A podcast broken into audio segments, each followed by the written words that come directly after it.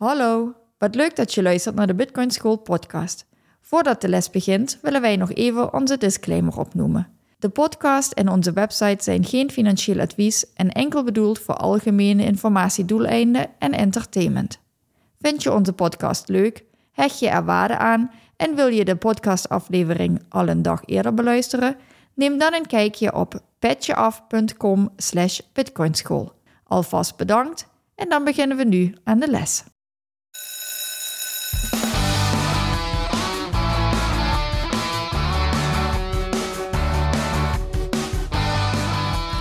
Bij de Bitcoin School podcast. In deze podcast willen we jullie de wereld van Bitcoin dichterbij brengen. Dit doen we door Bitcoin op een eenvoudige manier vanuit de basis uit te leggen. In deze aflevering gaat het over het draaien van een eigen node. Mhm. Leuk hè? Ja, heel leuk. Gaan we het is inderdaad over hebben. Gewoon over het draaien van een eigen node. Wat kan je daar nou voor gebruiken? Welke mogelijkheden zijn er de dag van vandaag? Gewoon, eh, gewoon eens kijken welke opties er zijn. En hoe je dat nou precies aanpakt. En Want- waarom zou je het überhaupt willen? Ja, ik denk dat we... Ja, dat kunnen we ook eh, doen. Eh, maar het waarom zou je het willen, denk ik dat we dat al een paar keer benoemd hebben. Maar toch is het interessant om eens een keer die, die route op te gaan. En ook misschien een klein beetje wat meer in de praktijk, na- naar de praktijk toe te gaan. Maar voordat we starten, hebben we even de blokhoogte. 820.124. Nog minder dan 20.000 bloks tot de nieuwe halving. Misschien moeten we dat ook eens uitleggen.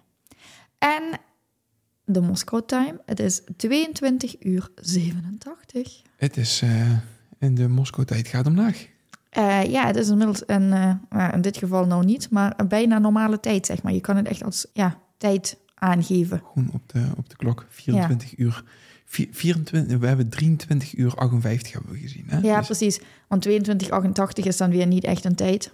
Maar goed, Nee, oké. Dat is alleen als het onder de 60 is, weer de laatste twee cijfers. Ja, nou oké. Goed, we gaan het eens even hebben over het draaien van een eigen node. Ik vond het wel leuk om die eens een keer eh, mee te nemen. Want Marina, het eh, was een klein beetje, is het nou jouw derde journey verhaal of is het het draaien van een eigen node? En ik vond het zoiets van, nou we pakken maar het draaien van een eigen node, zodat we eh, wat, wat meer mensen aanspreken, zodat het niet alleen per se om jouw journey gaat, maar ook gewoon dat het over het algemeen gaat. Hoe doe je dat dan precies, het draaien van een eigen node? Maar je hebt wel die ervaring opgedaan. ja. Dus ehm, ik ben sinds een paar dagen een noderunner. ja, Een nodedraaier. een nodedraaier in het Nederlands. Een nodedraaieres. Ja, precies. Er is geen eh, vrouwelijk woord voor volgens mij, hè? Maakt niet uit, je draait hem toch? Ja, ik heb er ook geen last van. Ik ben een noodrunner. Ja, ik, eh, ik wilde inderdaad, dat had ik al vrij snel, dat ik... ehm, nou is mijn journey natuurlijk sowieso vrij snel gegaan. Mhm. Maar ik had al vrij snel dat ik een eigen node wilde draaien. Oké, misschien de eerste vraag. Waarom wil je een eigen node draaien? Omdat ik eh, graag bij dat clubje wilde horen. Omdat Mhm. ik het idee heb dat je dan pas echt onderdeel uitmaakt van het Bitcoin-netwerk. Ook in de filosofie en het decentrale verhaal en zo. Dus Mhm. ja, iets dieper in de filosofie duiken en ja, onderdeel zijn van het decentrale netwerk. Nou, niet alleen in de filosofie, maar dus ook technisch gezien dat je kan zeggen van oké, ik heb een kopie van de Bitcoin blockchain heb ik bij mij draaien. En de software die ik daarop heb draaien, dat is in principe de software die ik gekozen heb. Dat heb je gedaan, je hebt bepaalde software gekozen. En daarmee eigenlijk zelf de macht genomen om de versie van Bitcoin te draaien die jij graag wil. En daarmee de regels van Bitcoin te gebruiken die jij wilt. Ja, maar nou ben ik dus echt super A-technisch. Nou, weet ik niet, nu ik dat zo zeg, weet ik niet of dat ook echt klopt. Maar normaal gesproken is alles wat met techniek te maken heeft gewoon voor jou.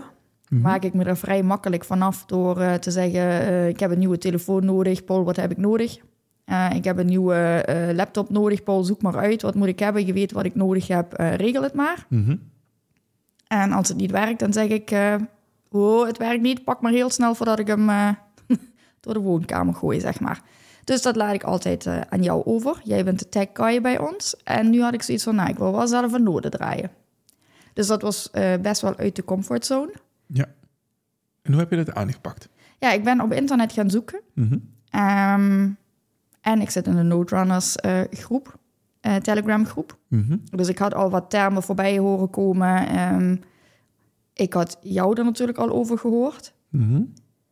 Alleen de uitdaging was ook dat ik het echt zonder jouw hulp wilde doen. Mhm. Ja. Hoe heb ik het aangepakt? Dus ik ben op internet gaan zoeken. Wat je vrij snel eh, tegenkomt is dan een Raspberry Pi. Zo'n, ja. Ja, ik kan al die technische begrippen trouwens ook niet. Dus ik heb geen idee. Ik ga nou dingen vertellen die waarschijnlijk niet kloppen. Je moet me maar corrigeren. Maar dat is een of ander eh, klein mini-computertje... wat je voor van alles kan gebruiken. ja, je kan een Raspberry Pi kan je voor heel veel doeleinden gebruiken inderdaad.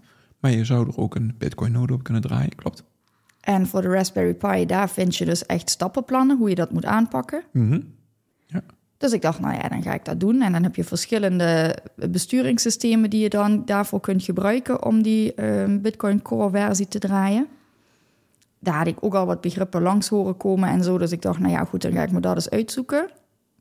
Maar toen keek jij toch even mee en zei je van, ja, maar ja, wat een Raspberry Pi kost. Nou ja, dan kun je misschien ook wel een wat betere computer kopen. Mhm. Ehm, Ja, ik, eh, ik kon het helaas niet laten om me er toch af en toe mee te bemoeien. Dat is, eh, ja, blijkbaar. Bl- blijkbaar ben ik zo. Dus ehm, toen ben ik toch verder gaan zoeken. Ja. naar eh, inderdaad, eh, ik had gevonden aan welke specificaties die moet voldoen. Qua opslag en wat is dat, snelheid? Qua intern geheugen, Ja, qua processor ja. en qua opslag. Eigenlijk zijn dat de drie verschillende dingen waar je rekening mee moet houden op het moment dat je een eigen node wil draaien. Je hebt een processor nodig die, die dit kan draaien. En tegenwoordig zijn er eigenlijk weinig PC's meer die Bitcoin Core niet zouden kunnen draaien. Dus dat, eh, dat zit meestal wel goed. Je hebt eh, geadviseerd wordt 4 gigabyte interne geheugen. Nou, dat heeft een Raspberry Pi. Sommige Raspberry Pi's hebben 8 gigabyte interne geheugen. Maar hoe meer interne geheugen, ja, toch hoe meer overhead er is, om het zo maar te zeggen. En hoe soepeler het allemaal draait. Dus je bent voor een PC, mini-PC gegaan met 16 gigabyte interne geheugen. Ja, dus ik ben inderdaad gaan zoeken naar... eh, ik had twee getallen waar ik op ben gaan letten. Dat was 1 terabyte Mhm. en 16 gigabyte. Ja, en 1 terabyte is de opslag. Want je moet een PC hebben waarbij je de volledige blockchain kan downloaden. En dan heb je 1 terabyte nodig.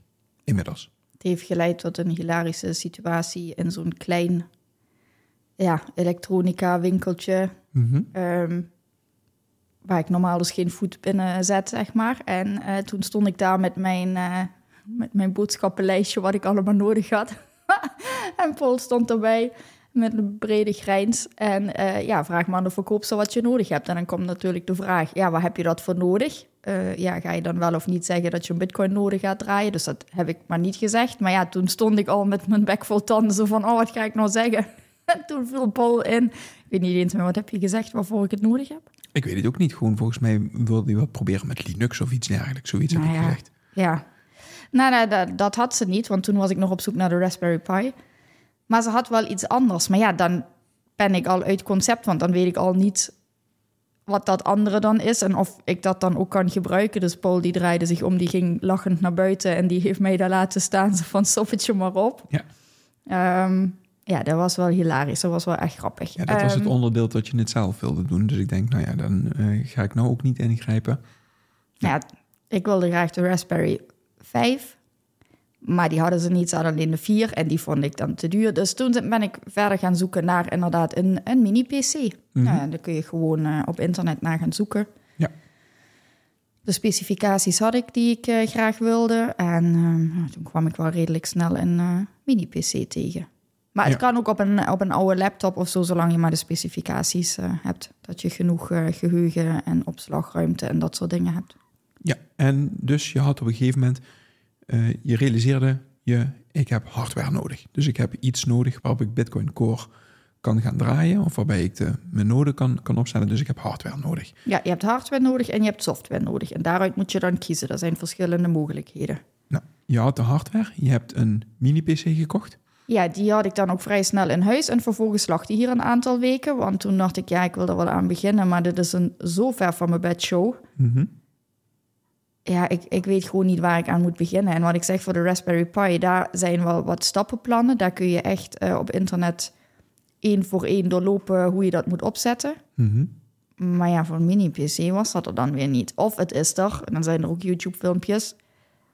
Maar dat zijn dan weer zoveel technische eh, voorkennis wordt dan eh, verwacht, zeg maar. Dat, ja, heb ik van die YouTube-filmpjes gekeken en toen dacht ik, ik snap je helemaal niks van. Je kan ook even goed Chinees met me praten. dus die lag hier en die lag hier. En eh, nou ja, op een gegeven moment heb jij dan toch maar gezegd van, kom, we gaan dat ding opzetten. Begin maar gewoon. Mhm. En toen was het eigenlijk, eh, ik weet niet, een uurtje heb ik volgens mij, twee keer een half uur heb ik eh eraan gezeten. En vervolgens was die zelfs binnen 23 uur Je gaat nou wel heel erg snel. gezinkt. Ja, toen ging het snel. Ja, ja. Wat ik eigenlijk nog wil ehm, daaraan toevoegen is... je hebt niet alleen die mini-pc nodig... maar je hebt ook een toetsenbord nodig. Misschien heb je een muis nodig... die je dan met een kabeltje aansluit op de mini-pc. Je hebt die mini-pc, die wil je op de een of andere manier toch ook aansluiten op een display. Op een, al is het maar een televisie of een computerdisplay of iets dergelijks... zodat je kan zien wat er gebeurt. En wat ik net zei, je gaat redelijk snel... want je hebt op een gegeven moment ook ervoor moeten kiezen om bepaalde software te draaien. Hoe ben je die zoektocht ingegaan van oké, welke software moet ik draaien? Ja, voor de Raspberry Pi heb je de Raspberry Blitz. Je hebt de Raspberry Blitz, Umbrel, maar je hebt ook nog andere Ja, systemen. en Citadel had ik gezien. Mhm. Nou, de Raspberry Blitz, dat is dus ehm, vrij standaard. Dat, dat zie ik vaker tegenkomen. Dus ik wilde het voor mezelf uitdagend maken. Dus die wilde ik niet gebruiken. Het was nog niet uitdagend genoeg. gewoon eens een keer een node opzetten. Toen kwam ik... dat kan natuurlijk ook dan denk ik alleen met de Raspberry Pi. En ik had dan al gekozen dat die niet ging worden. Toen Umbrel had ik een paar keer langs... Ja, weet ik niet, horen of zien komen dat daar wel eens problemen mee zijn. Dus ik kreeg daar niet goed, eh, geen goed gevoel bij. Ja, volgens mij is het het geval dat, eh, dat bij Umbrel, ik weet het ook niet 100% zeker, maar dat bij Umbrel dat er ook gebruik gemaakt wordt van closed source software. Dus dat niet alles open source is. En het is iets wat jij belangrijk vond, dat je open source software draait. Ja, precies. Nou, dan was dat het misschien. In ieder geval had ik bij Umbrel zoiets van, nou, dat gaat hem niet worden. Mhm. En dan had je nog Citadel, dat is een fork van Umbrel. Mhm. Dus dat wilde ik dan op zich wel proberen. En die is ook open source. Maar dan zag ik weer dat die dan blijkbaar alleen op de Raspberry Pi werkt of zo. Maar ja, jij zegt je kan het overal op draaien, maar daar ben ik dan weer niet technisch genoeg voor. Mhm. Dus die drie vielen dan af. En toen had ik eh, start 9 langs zien komen. Mhm. Ehm, en ik heb het ook een keertje bij ons in de Twitter Space gevraagd. En daar hulp gekregen van een van de Node Runners. Die zei van nou ga maar naar start 9 kijken. Dat lijkt me wel een goeie. Dus toen nou ja, was die keuze gemaakt dat ik dat wel zou gaan doen. En die hebben op de website ehm, ook wel een heel mooi stappenplan. Alleen ja, technisch als ik ben was ook dat Chinees. Mhm. Maar goed, dus eh, ik, ik ben daar een, een YouTube-filmpje over gaan kijken en ik eh, ben dan met jou samen begonnen. Dus ik heb het toch alleen gedaan, maar je zat er wel naast. Ja, en voor de software, dus je bent voor, voor eh, StartOS ben je gegaan, van de firma Start9. Ehm zij verkopen ook gewoon zelf hardware. Eh, en ik denk dat ze daarmee ook hun project een beetje financieren. Dus door het verkopen van de hardware waar die software al, eh, al op staat, kunnen ze ook een financiering een klein beetje rondkrijgen, zodat ze daarin kunnen door blijven ontwikkelen. Nou, je hebt dus zelf een hardware, wat hardware gekocht, los van hun. En, maar je kan wel in principe gewoon hun software gebruiken en op elke willekeurige PC of op heel veel PC's of op heel veel hardware, zo moet ik het zeggen, kan je dat draaien. Je hebt ehm, toen de image gedownload, want dat dacht je ook van, wat is dat nou? Moet ik een afbeelding downloaden of een image? Of wa- wa- wat is dat precies? Dat was ook een nieuwe ervaring voor je. Kan je, kan je me daar eens eh, in, eh, in meenemen? Ga met de muis naar de rechterbovenhoek. dat zo'n beetje. Ja. Ehm, nee, ja, je krijgt dan een, een handleiding bij hun op de site, wat je dus moet downloaden. Je moet iets flashen, je moet iets boosten. Ja, je moet een image downloaden. Ik denk een image, wat voor een afbeelding. Maar inderdaad, het zijn dus allemaal vaktermen waar ik dus echt ja, geen verstand van heb. Mhm. En toen die liep, dacht ik ook, wat heb ik nou eigenlijk gedaan? Mhm. Dus je moet me nog eens een beetje helpen. Je bent er dus naast gaan zitten. Ik heb Ja. ook echt bewust gezegd, ik wil dat jij met de vingers overal vanaf blijft. Ik wil het doen. Dat heb ik ook gedaan. Ik ben met mijn vingers ben ik er vanaf gebleven. Maar ehm, ik had wel jouw hulp nodig. Ja. Gewoon in het vertalen van wat, wat ben ik eigenlijk aan het doen? Of waar vind ik het? Wel, waar, waar vind ik bepaalde mappen? Waar heb ik nou iets naartoe gedownload? Nou ja, wat je nodig hebt is dus een uh, hardware. Je hebt software nodig en je hebt een USB-stickje nodig. Mhm. Vervolgens heb ik dus de hardware aangesloten aan een beeldscherm en aan een toetsenbord. Ja. Hem opgestart om te kijken of die werkt. Nou, hij start op, dus uh, er gebeurt iets. Vervolgens heb ik op mijn laptop uh, de Start OS uh, software gedownload. Je hebt de image heb je gedownload, inderdaad, ja. Klopt. Een, dus een ISO-bestandje. Een bestandje met de extensie .iso. ISO. Ja, ik denk dat onze luisteraars een beetje mijn niveau hebben. Ja, dus dan... Dus uh, dat noem je dus een image. Ja, ja. klopt. Oké. Okay. Um, en dat moet je dan op de USB-stick zetten. Maar dat kan dus blijkbaar niet zomaar, heb ik begrepen. Dus je moet eerst die USB-stick voorbereiden. Daar moet je weer een ander programmaatje voor installeren. Mm -hmm. Zodat je de USB-stick um, ja, klaarstoomt voor dat programmaatje. En dan is dat het flesje? Ja, exact. Toen heb je dus de ISO-image heb je op de USB-stick geflasht. Klopt. Ja. En vervolgens uh, kun je dan inderdaad uh, de USB-stick ja, eigenlijk gewoon in de mini-PC stoppen, opstarten, opnieuw. En dan uh, ja, installeert die zich, installeert zich het programma en de software zelf, ja, die is zo ja, mooi overzichtelijk, makkelijk. Dan is het, wat wil je? Wil je een Bitcoin Core draaien? Wil je een Lightning node draaien? Wil je een mempool draaien? Dan, dan -hmm. kun je gewoon aanvinken wat je wil doen en dan druk je op install en dan gaat hij uh, beginnen. Dan gaat hij beginnen met het downloaden van. Uh, ja, en ook, da ook, daar, ook daar ga je nog ietsje te snel. Want volgens mij heb je voordat je de image op de USB-stick gezet hebt, heb je nog gevalideerd of die image daadwerkelijk correct is. Je hebt de hash van de image heb je nog op jouw laptop gevalideerd. Ja, ik heb ergens een hash gecontroleerd, dat klopt. en daarmee weet je dus dat de ISO die je gedownload hebt, dat dat de juiste ISO is. En dat de broncode die in die ISO zit, dat die dus ook de broncode is die Start9 gebruikt. Nou, dat dat allemaal valide is. En toen heb je die dus met Balena Etcher. Dat is het programma wat je gedownload hebt om hem te flashen. En toen heb je de USB-stick in de hardware gestopt, opgestart en geïnstalleerd. Je hebt ook nog een netwerkkabeltje ingestoken, want dat moet wel. De mini-PC moet uh, aan ja. het netwerk aangesloten zijn. En je moet het IP-adres van de mini-PC dan weten. En die heb jij in je laptop weer ingevoerd, het IP-adres, in Chrome. En toen zag je de installatie-instructies. Hoe je Start9 kan installeren op je mini-PC. Ja, klopt. Nou, je hebt de installatie doorgelopen. Toen was er nog iets met een certificaat wat geïnstalleerd moest worden. Dat was Oh, eventjes ja. een beetje lastig. Ja, klopt. Ik moest eerst eh, ergens nog een instelling wijzigen. Mhm. Dat ik als eh, administrator of iets dergelijks eh, autorisatiebevoegdheid aan het programma kon geven. Ja, dat klopt niet helemaal wat je nou zegt, maar ongeveer. Ja. Ehm, het, het grappige daarin is dat eh, ik denk dat dit iets is, wat specifiek voor Start OS eh, specifiek is. Dus, dus niet per se tot Umbrel of dat eh, Citadel dat ook zouden hebben of Raspberry Blitz. Maar ik vond het wel interessant om, om te zien hoe, hoe jij daarmee omging. Het was denk ik het lastigste gedeelte van de hele installatie. Dat je de, het certificaat niet op een goede manier werkend kreeg op jouw PC. Ehm, maar toen je dat eenmaal gefixt had, of toen ik je daar een klein beetje mee geholpen had, toen kon je inderdaad bij, aan de linkerkant van het menu van StartOS kon je naar Services gaan.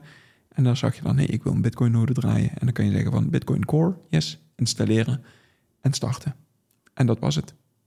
En inderdaad, nog geen 24 uur later had jij de hele Bitcoin blockchain gedownload. Want je had hem aangesloten via een netwerkkabeltje. Nou, dus uh, dat ging redelijk snel. Ja, het blijkt dat ik bij de hardware een goede keuze had gemaakt, onbewust. Want uh, er staat dat het twee tot zeven dagen kan duren voordat mm -hmm. uh, die de hele blockchain gedownload heeft. Ja. Ja, binnen 23 uur was die up and running. Ja, precies. Ja, maar wat ik dus merk inderdaad is dat ik... Ik heb het zelf doorlopen, mm -hmm. maar ik heb eigenlijk inderdaad nog steeds niet echt een idee wat ik nou precies gedaan heb. Dus ik wil het echt nog een keertje helemaal zelf doorlopen. Nog een keer echt goed doen. Ja, misschien ga ik hem nog eens eh, kappen en nog eens opnieuw opstarten. Ja. En wat kan je nu met die noden? Ja, dat is een goede vraag. hij staat er en eh, hij draait. En elke keer als ik er langs loop, denk ik... Oh, kijk, mijn noden. Wat leuk, hij doet het nog. Ja. Wat kan ik daar nou mee? Ja, wat kan ik daar nou allemaal mee? Mm, voor mij is het vooral het gevoel dat ik nou erbij hoor. Dat klinkt heel stom. Onder, onderdeel ben van het Bitcoin-netwerk. Ja. Niet alleen op menselijk niveau, maar ook op technisch niveau. Ja, Zo? precies. Ja, Dus je waarborgt de regels van het Bitcoin-netwerk met de Bitcoin-versie die jij geïnstalleerd hebt, die je zou kunnen controleren als je de technische kennis daarvoor hebt om de code in te zien en dergelijke. Dat is iets wat je kan. ik ben nou een van de scheidsrechters. Je bent een van de scheidsrechters, inderdaad. Ja, dat vind ik wel heel cool. Ja. Maar dan kun jij misschien vertellen wat ik daar nou eigenlijk praktisch allemaal mee kan. Als je Start OS gebruikt, ze hebben het echt op de een of andere manier zo ontzettend makkelijk gemaakt om er nog een aantal services bovenop te kunnen draaien. Dus je kan je eigen mempool.space draaien. Ja, don't trust verify. Je kan dan... Je hoeft niet op een andere partij te vertrouwen. Je kan de mempool... zelf draaien. Ja, Ja, je kan de Block Explorer zelf draaien.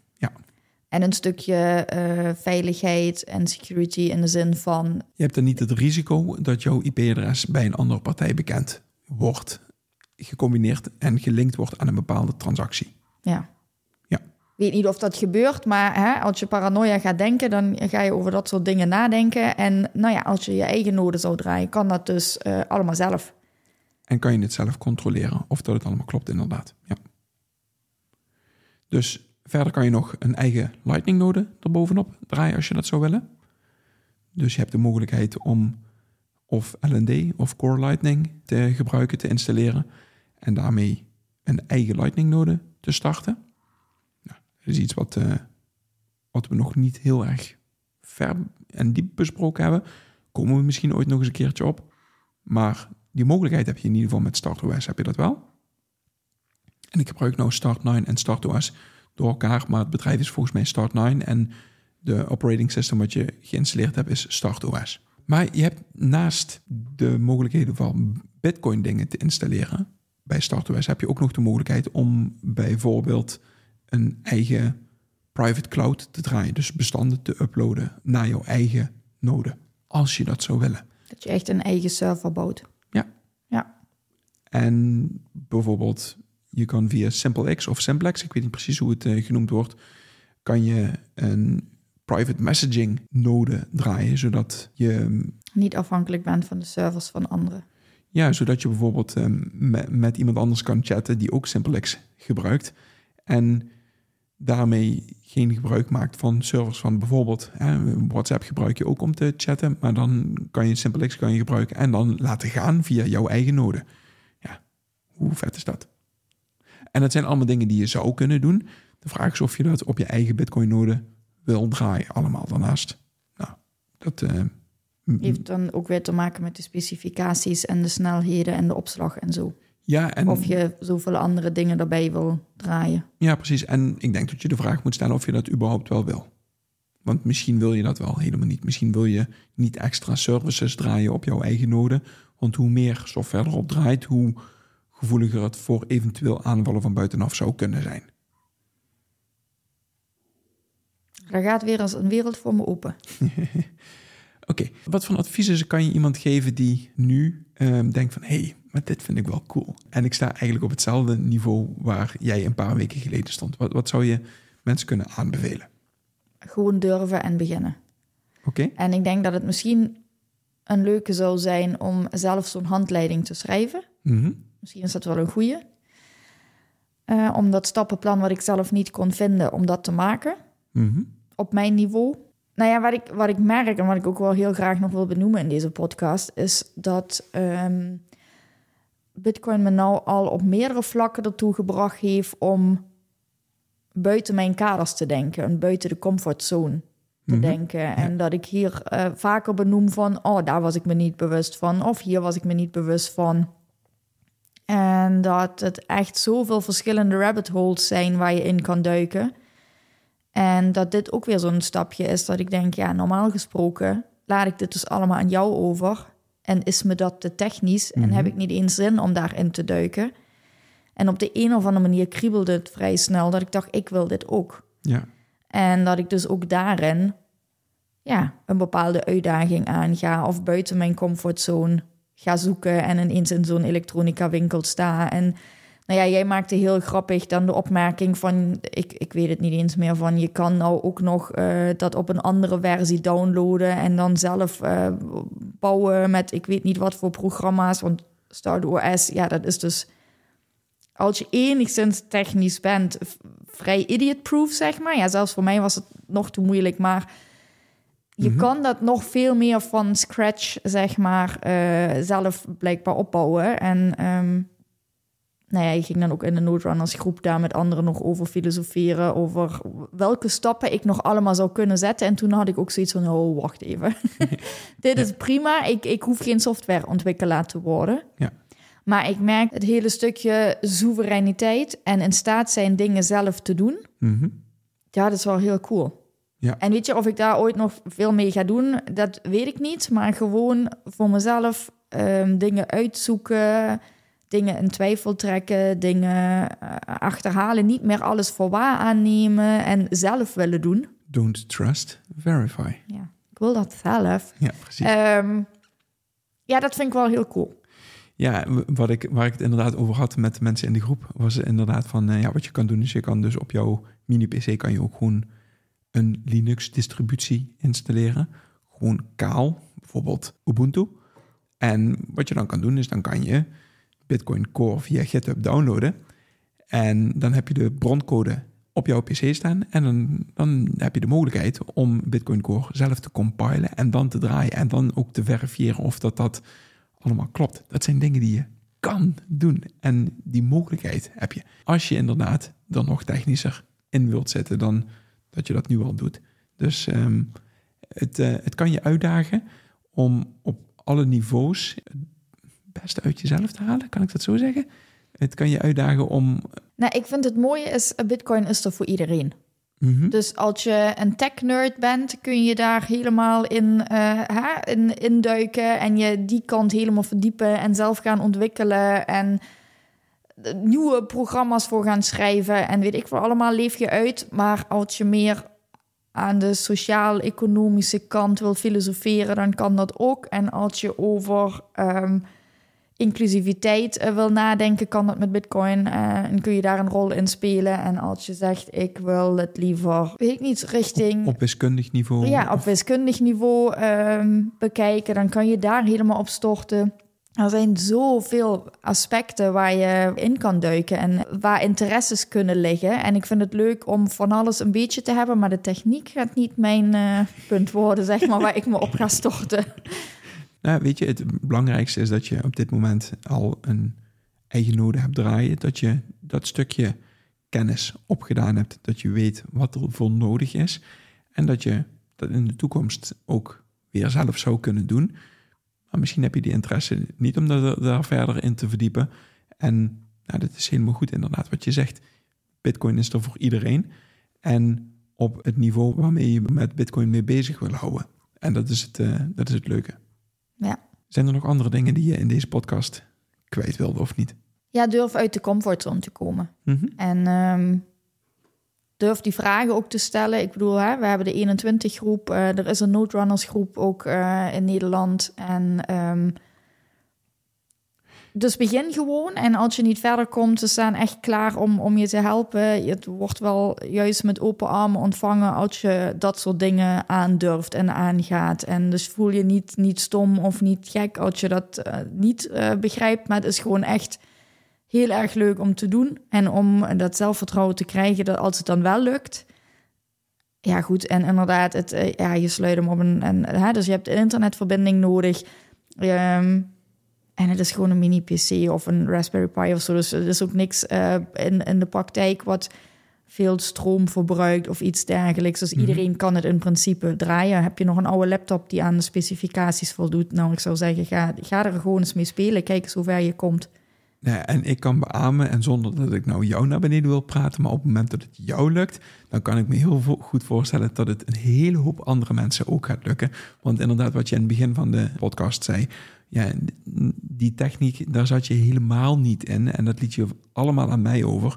Dus op het moment dat jou dit nou gelukt is, dan kan ik me niet anders voorstellen dat een hele hoop andere mensen dit ook moet lukken. Ja. Dus uh, ga ermee aan de slag. En inderdaad, mocht je er niet uitkomen, kom in de Telegram groep van 21. Die uh, zullen we nog eventjes linken in de show notes. En dan, uh, weet je, stel gewoon vragen. Daar zijn wij ook voor. Yes. Nou, ik zou zeggen dan tot de volgende keer. Tot de volgende keer. Doei doei.